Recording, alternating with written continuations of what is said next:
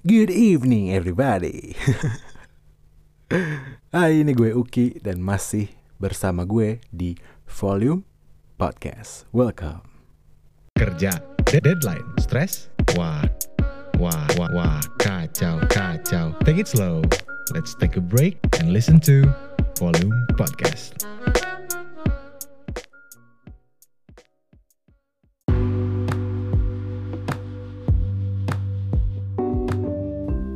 Alright, how's your day people? Hari Minggu sore-sore gini masih semangat dong ya? Iya dong semangat, awal bulan besok gajian Kalau gue sih nggak kenal apa itu yang namanya gajian Ngomongin awal bulan nih, selain gajian, apalagi dari baru banget satu hari, masih muda banget bulan ini Tanggal 1 Desember Ada yang tahu nggak sih? Ada apa di tanggal 1 Desember ini? Kalau ada yang tahu hebat, lu bisa baca pikiran gue. Kalau belum tahu, aneh. Kalau belum tahu, tanggal 1 Desember itu memperingati Hari AIDS sedunia atau World AIDS Day. Dan hari ini, volume podcast bakal bahas tentang Hari AIDS sedunia dan apa itu penyakit AIDS, stigma di sekitarnya, dan bagaimana pentingnya raising awareness of this disease tepatnya virus sih bukan. Tapi sebelumnya kita bahas bakal bahas tentang World AIDS Day-nya itu sendiri atau Hari AIDS Dunia itu sendiri. Gimana awalnya siapa yang mencetuskannya dan bagaimana memperingatinya gitu. Jadi World AIDS Day itu pertama kali pertama kali dicetuskan pada Agustus tahun 1987 oleh James W. Bunn dan Thomas Netter gitu. Jadi mereka adalah petugas uh, global program global uh, yang menangani kasus AIDS gitu dan mereka akhirnya ya mereka pitching ke Dr. Jonathan Mann direkturnya program global AIDS itu. Dan mereka disetujui dan biar biar mereka lebih gampang diingat gitu. Jadi dicetuskannya di 1 Desember tahun depannya tahun 88 gitu. Jadi pertama kali dipatenkan 1 Desember itu di tahun depannya di tahun 88 gitu. Nah semenjak itu World AIDS Day itu didedikasikan untuk menambah awareness terhadap uh, virus ini dan juga untuk mengajak seluruh dunia untuk memerangi memerangi ya memerangi mengetahui tentang AIDS dan tentang HIV dan untuk memperingati juga korban-korban atau misalnya orang-orang yang meninggal karena uh, penyakit HIV dan AIDS gitu. Makanya setiap tahun itu ada. Dari tahun 1988 gitu. Nah ini tahun 2017 itu AIDS telah memakan korban di antara 28 juta dan sampai 41 juta 41 juta jiwa di seluruh dunia gitu. Dan sekarang tuh diperkirakan sekitar 36 juta orang di dunia masih hidup dan mengidap HIV gitu. Yang menjadikan hal itu tuh public health issue yang paling mengkhawatirkan gitu di dalam sejarah. Untungnya karena perkembangan dunia medis saat ini gitu jadi akses tuh anti retroviral treatment di di beberapa daerah di dunia itu jadi menurun gitu tingkat kematiannya. Karena jadi makin ke sini ke sini semakin majunya teknologi medis di dunia ini orang-orang yang mengidap HIV itu tidak selamanya bisa jadi AIDS gitu. Nah sebelum sebelum bahas itu lagi nah sebenarnya apa sih bedanya HIV dan AIDS itu? Orang-orang mungkin nyangkanya HIV ya HIV itu AIDS gitu. Tapi sebenarnya enggak. Banyak orang yang menganggap itu HIV dan AIDS adalah satu istilah. Tapi HIV dan AIDS itu punya arti yang berbeda loh jadi HIV itu merupakan singkatan dari Human Immunodeficiency Virus. Virus yang dapat menyebabkan AIDS. Jadi kalau ada yang terinfeksi HIV, maka yang terinfeksi itu akan dinamakan dikatakan sebagai HIV positif. HIV itu menyerang sistem kekebalan tubuh, yang mana adalah pertahanan tubuh terhadap penyakit.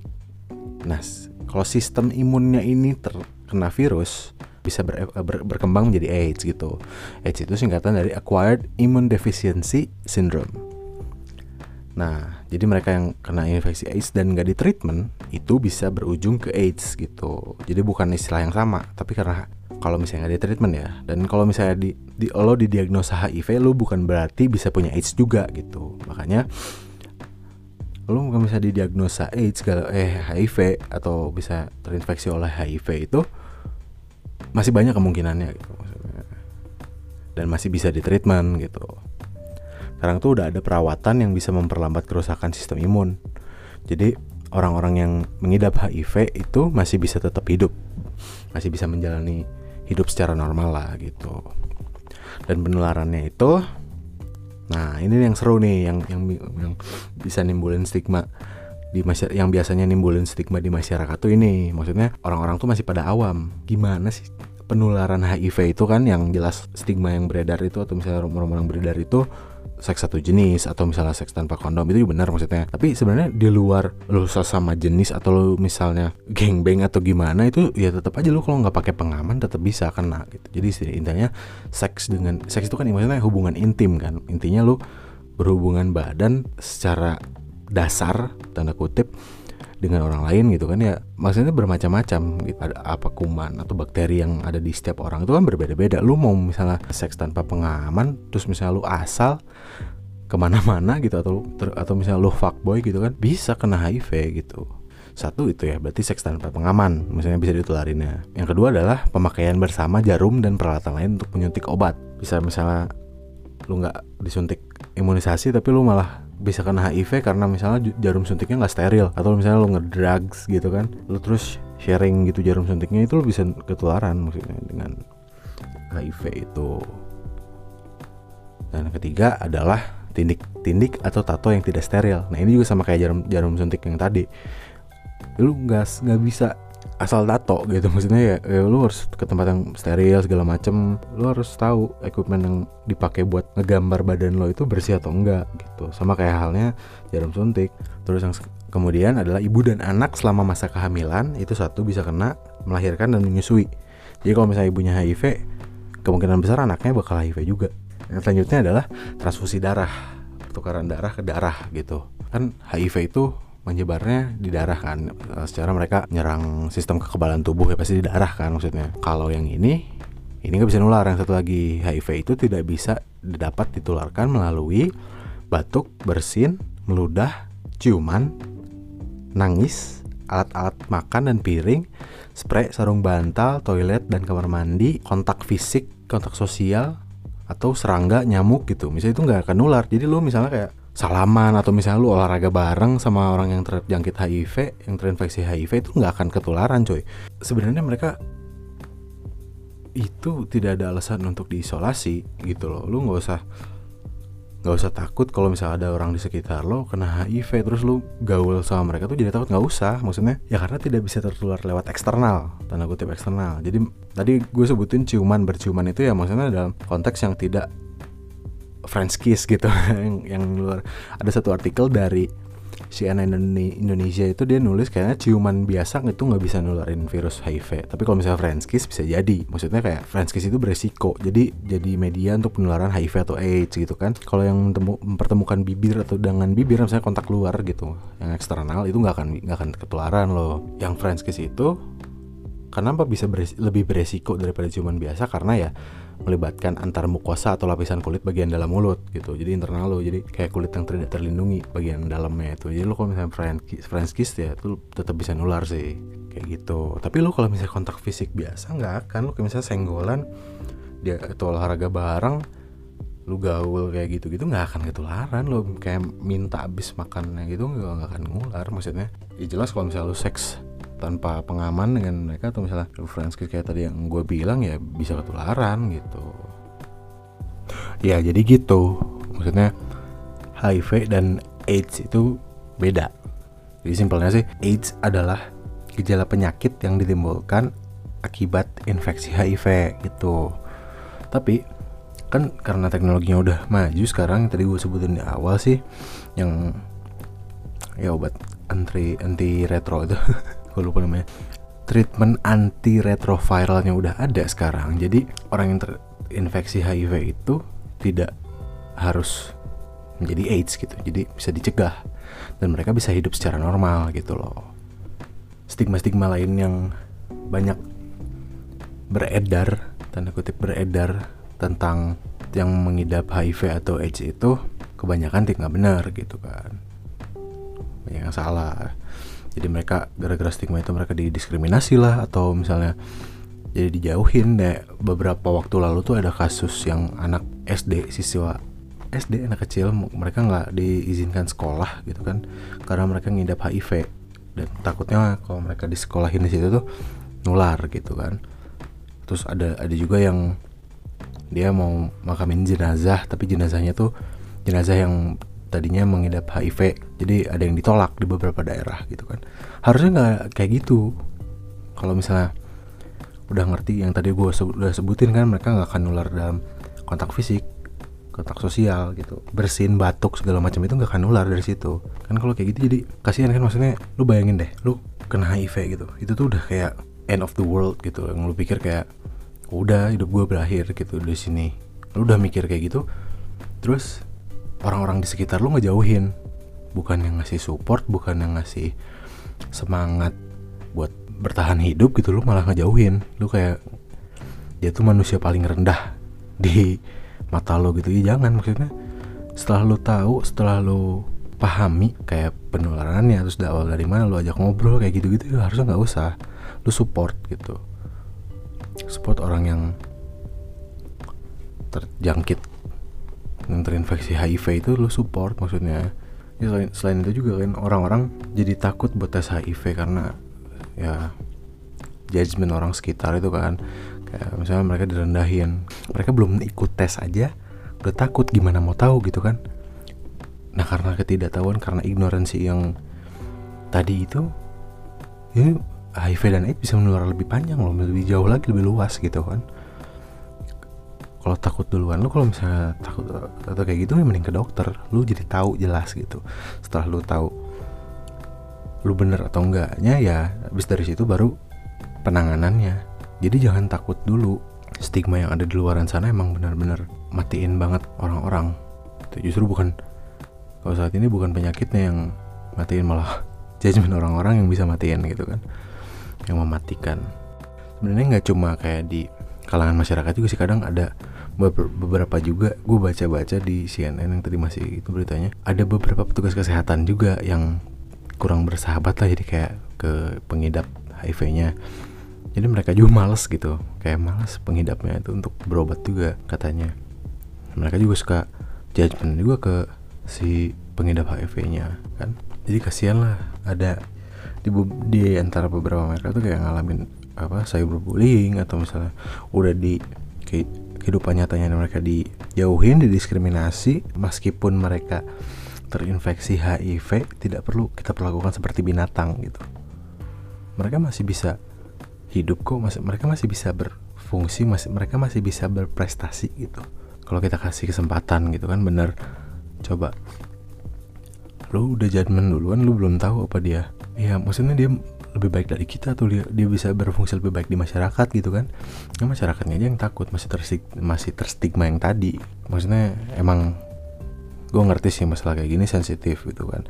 Cuma kalau kita ketahuin yang tadi gue bilang kontak fisik kontak sosial batuk bersin itu nggak akan nularin. Polom dulu sempat wawancara sama waktu almarhum Ginan meninggal kita sempat kayak eksklusif gitu kan sama mereka. Kita sempat ngobrol-ngobrol soal Ginan soal uh, rumah cemara yang dia yang dia gelutin waktu itu sama teman-temannya Om Jimmy sama Om Indra. Gue ngobrol-ngobrol emang seperti itu kenyataannya.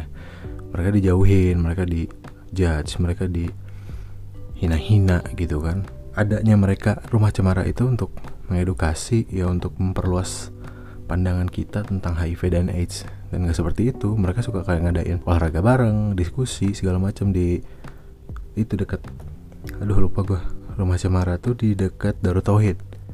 Di situ lu coba kalau misalnya lu penasaran lu pengen nunjukin support lo lu pengen memperluas wawasan lu tentang HIV atau AIDS lu bisa datang ke sana. Ada di Bandung kok dekat Darut Tauhid gitu loh. Coba deh ya mumpung sekarang lagi World AIDS Day ini cobalah kita buka wawasan kita. Kalau misalnya lo punya teman atau kenalan atau keluarga yang terinfeksi HIV dan ingin sembuh ya lu support gitu. Jangan dijauhin jangan diapain gitu. Tunjukin lah kalau mereka tuh bisa punya harapan hidup gitu.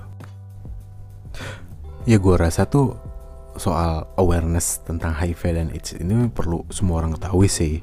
Karena hal ini tuh menyangkut hampir ya lintas lintas bidang lah istilahnya bidang hukum iya bidang kesehatan iya pendidikan iya apalagi hak asasi manusia gitu. Sangat sangat bersinggungan banget karena udah kalau udah berhubungan sama diskriminasi bullying terus isolasi apalagi kan bahkan psikologis juga masuk loh ini kan kayak gimana sih kayak penderita HIV atau ODHA itu menjalani hidup dengan beban fisik iya, mental iya, mereka harus dibangun semangatnya biar mereka bisa beraktivitas lagi dan orang-orang di sekitarnya juga tahu kalau yang dia idap itu menular cuma tidak menular yang seperti yang kamu kira sebelumnya gitu kan.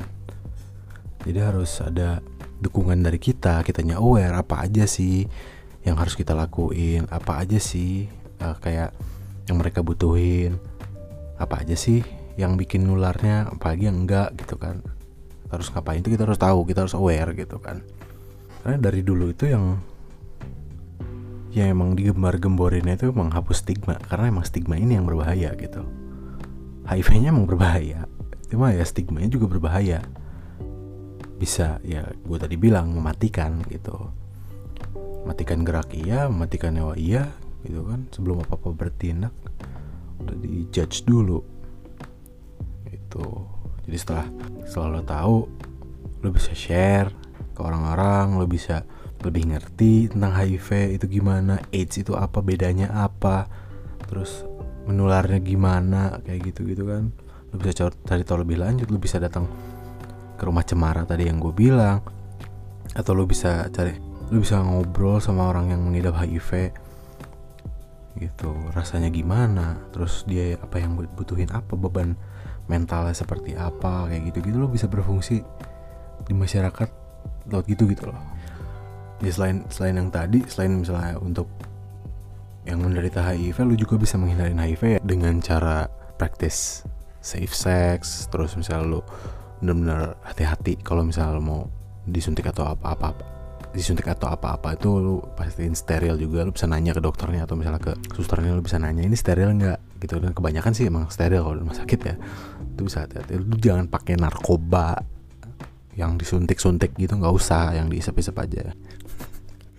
Nggak deh maksudnya atau lu mau ditato lu mau ditindik gitu pastiin juga kalau jarumnya tuh emang steril gitu.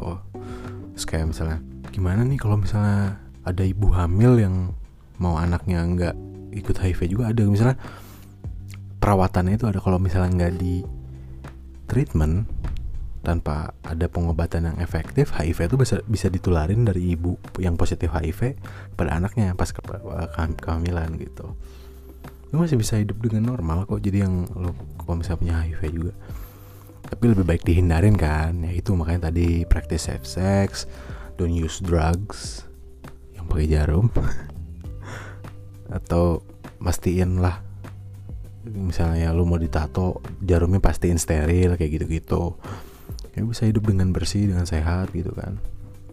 Saya banyak banget treatmentnya atau lu misalnya kayak mau tes HIV lu positif atau enggak atau misalnya lu penasaran aja sih pengen tes gitu kan sebenarnya ya nggak masalah sih lu mau tes mau lu positif atau enggak kalau misalnya positif ya lu kaget pasti kan dan lu pasti harus ke dokter untuk treatment gitu kan. Tapi lu kalau misalnya mau tes tes gitu dan anonim gitu lu bisa kayak nyari di online juga banyak sih di shopee kayak gitu gitu juga. Lu bisa kayak pesan kalau mau anonim sih lu bisa pesan kayak ke gue lihat di multicultural HIV and hepatitis service gitu kan atau mhahs.org.au itu dia nyediain ininya alat tesnya gitu kan. Namanya dried blood spot gitu kan. DBS tes darah kering HIV yang tesnya gratis mudah dan rahasia katanya. Yang bisa lo lakuin di rumah. Jadi kalau lo takut sama jarum atau lo misalnya nggak punya waktu lo malu ke dokter buat minta tesnya lo bisa pesen gitu sih. Uh, di gak, caranya gampang katanya. Lo bisa kayak pesen tes kitnya di www.hivtest.health.nsw .gov.au panjang ya. Gitu. Lu bisa diakses ke sana. Terus bisa dikirim gitu kitnya lewat pos. Amplopnya anonim gitu. Hmm, lu pokoknya keperluan kit buat tesnya itu lengkap di sana. Terus nanti lu kayak bisa netesin darah beberapa tetes gitu buat ke tesnya. Dan nanti sampelnya bisa dikirim lagi lewat surat gitu lewat ke si alamatnya itunya lagi. Katanya gratis semua sih nggak perlu bayar ongkos kirim. Gitu. Dan terus nanti lo dapat hasilnya kira-kira seminggu lewat email atau SMS atau lewat telepon gitu. Sesuai pilihannya. Nah kalau misalnya lo ternyata positif ya amit-amitnya positif eh, lo harus tes standar sih tetap cuma kalau buat ini apa ya buat tes tes gitu doang lo pengen tahu atau enggak lo bisa yang kayak tadi lo bisa lewat akses online tadi. Gitu loh. Ya beda safe dan sorry lah lo mendingan tes tes kayak gitu apalagi kalau misalnya lo uh suka berpetualang gitu kan orangnya. Ya lo mending lo bisa ini kok bisa lakuin tes juga ini kan kayak gitu gitu yang jelas lo harus di atas 16 tahun ya buat tes ini. Ya, pokoknya gitu. Ya pesan dari gue sih lu cari tahu lebih lanjut lagi. Maksudnya kalau informasi dari gue masih kurang lu bisa cari tahu lebih luas lagi. Lu bisa ngobrol atau misalnya lu cari orang-orang yang mengidap yang terinfeksi HIV lu ajak ngobrol lu cari-cari informasi galinya lu terus lu pikir apa yang bisa lu bantu gitu kan? Ya istilahnya lu seenggaknya lu aware itu menurut gue cukup bukan cukup ya, maksudnya menurut gue udah sangat membantu sih. Terus lu sebarin ke orang-orang ya biar stigmanya hilang. Dari dulu tuh ya yang stigmanya lu jangan jadi ya pokoknya orang yang ter- terinfeksi HIV itu bukan akhir dari segalanya gitu. Lu harus nyemangatin lu harus support lu. Dan mereka tuh bisa hidup di antara kita gitu loh. Mereka masih hidup dengan normal secara normal. Kayak lu ingat gak sih slogan-slogan yang zaman dulu tentang HIV dan AIDS? Jauhi penyakitnya bukan orangnya. Gitu. Nggak kreatif banget ya gue ngopi. Hmm ya gitu sih menurut gue. Ya lo kalau punya saran lo atau misalnya mau nyanggah atau lo misalnya mau nambahin lo bisa kayak kontak kita di IG follow me ND atau di Twitter kita follow underscore ID lu follow juga ya. Kayak gitu. Atau misalnya lu mau ngirim note di Anchor gitu nanti ada linknya sih di Spotify kita. Ada linknya lu mau ngirim note nanti kita bisa ngobrol bareng. Ngobrol bareng sih maksudnya. Lu bisa ada di episode kita di podcast ini gitu loh. Diingat kalau ada teman dekat lo kerabat saudara atau siapa pun di sekitar lo yang ngidap HIV jangan di jangan dijudge jangan didiskriminasi dan support lo itu ke dia jangan mendiskredit mereka karena mereka terjangkit HIV gitu mereka itu manusia gitu Oke sih, kayaknya segitu aja volume podcast malam ini. Gue Uki, signing off.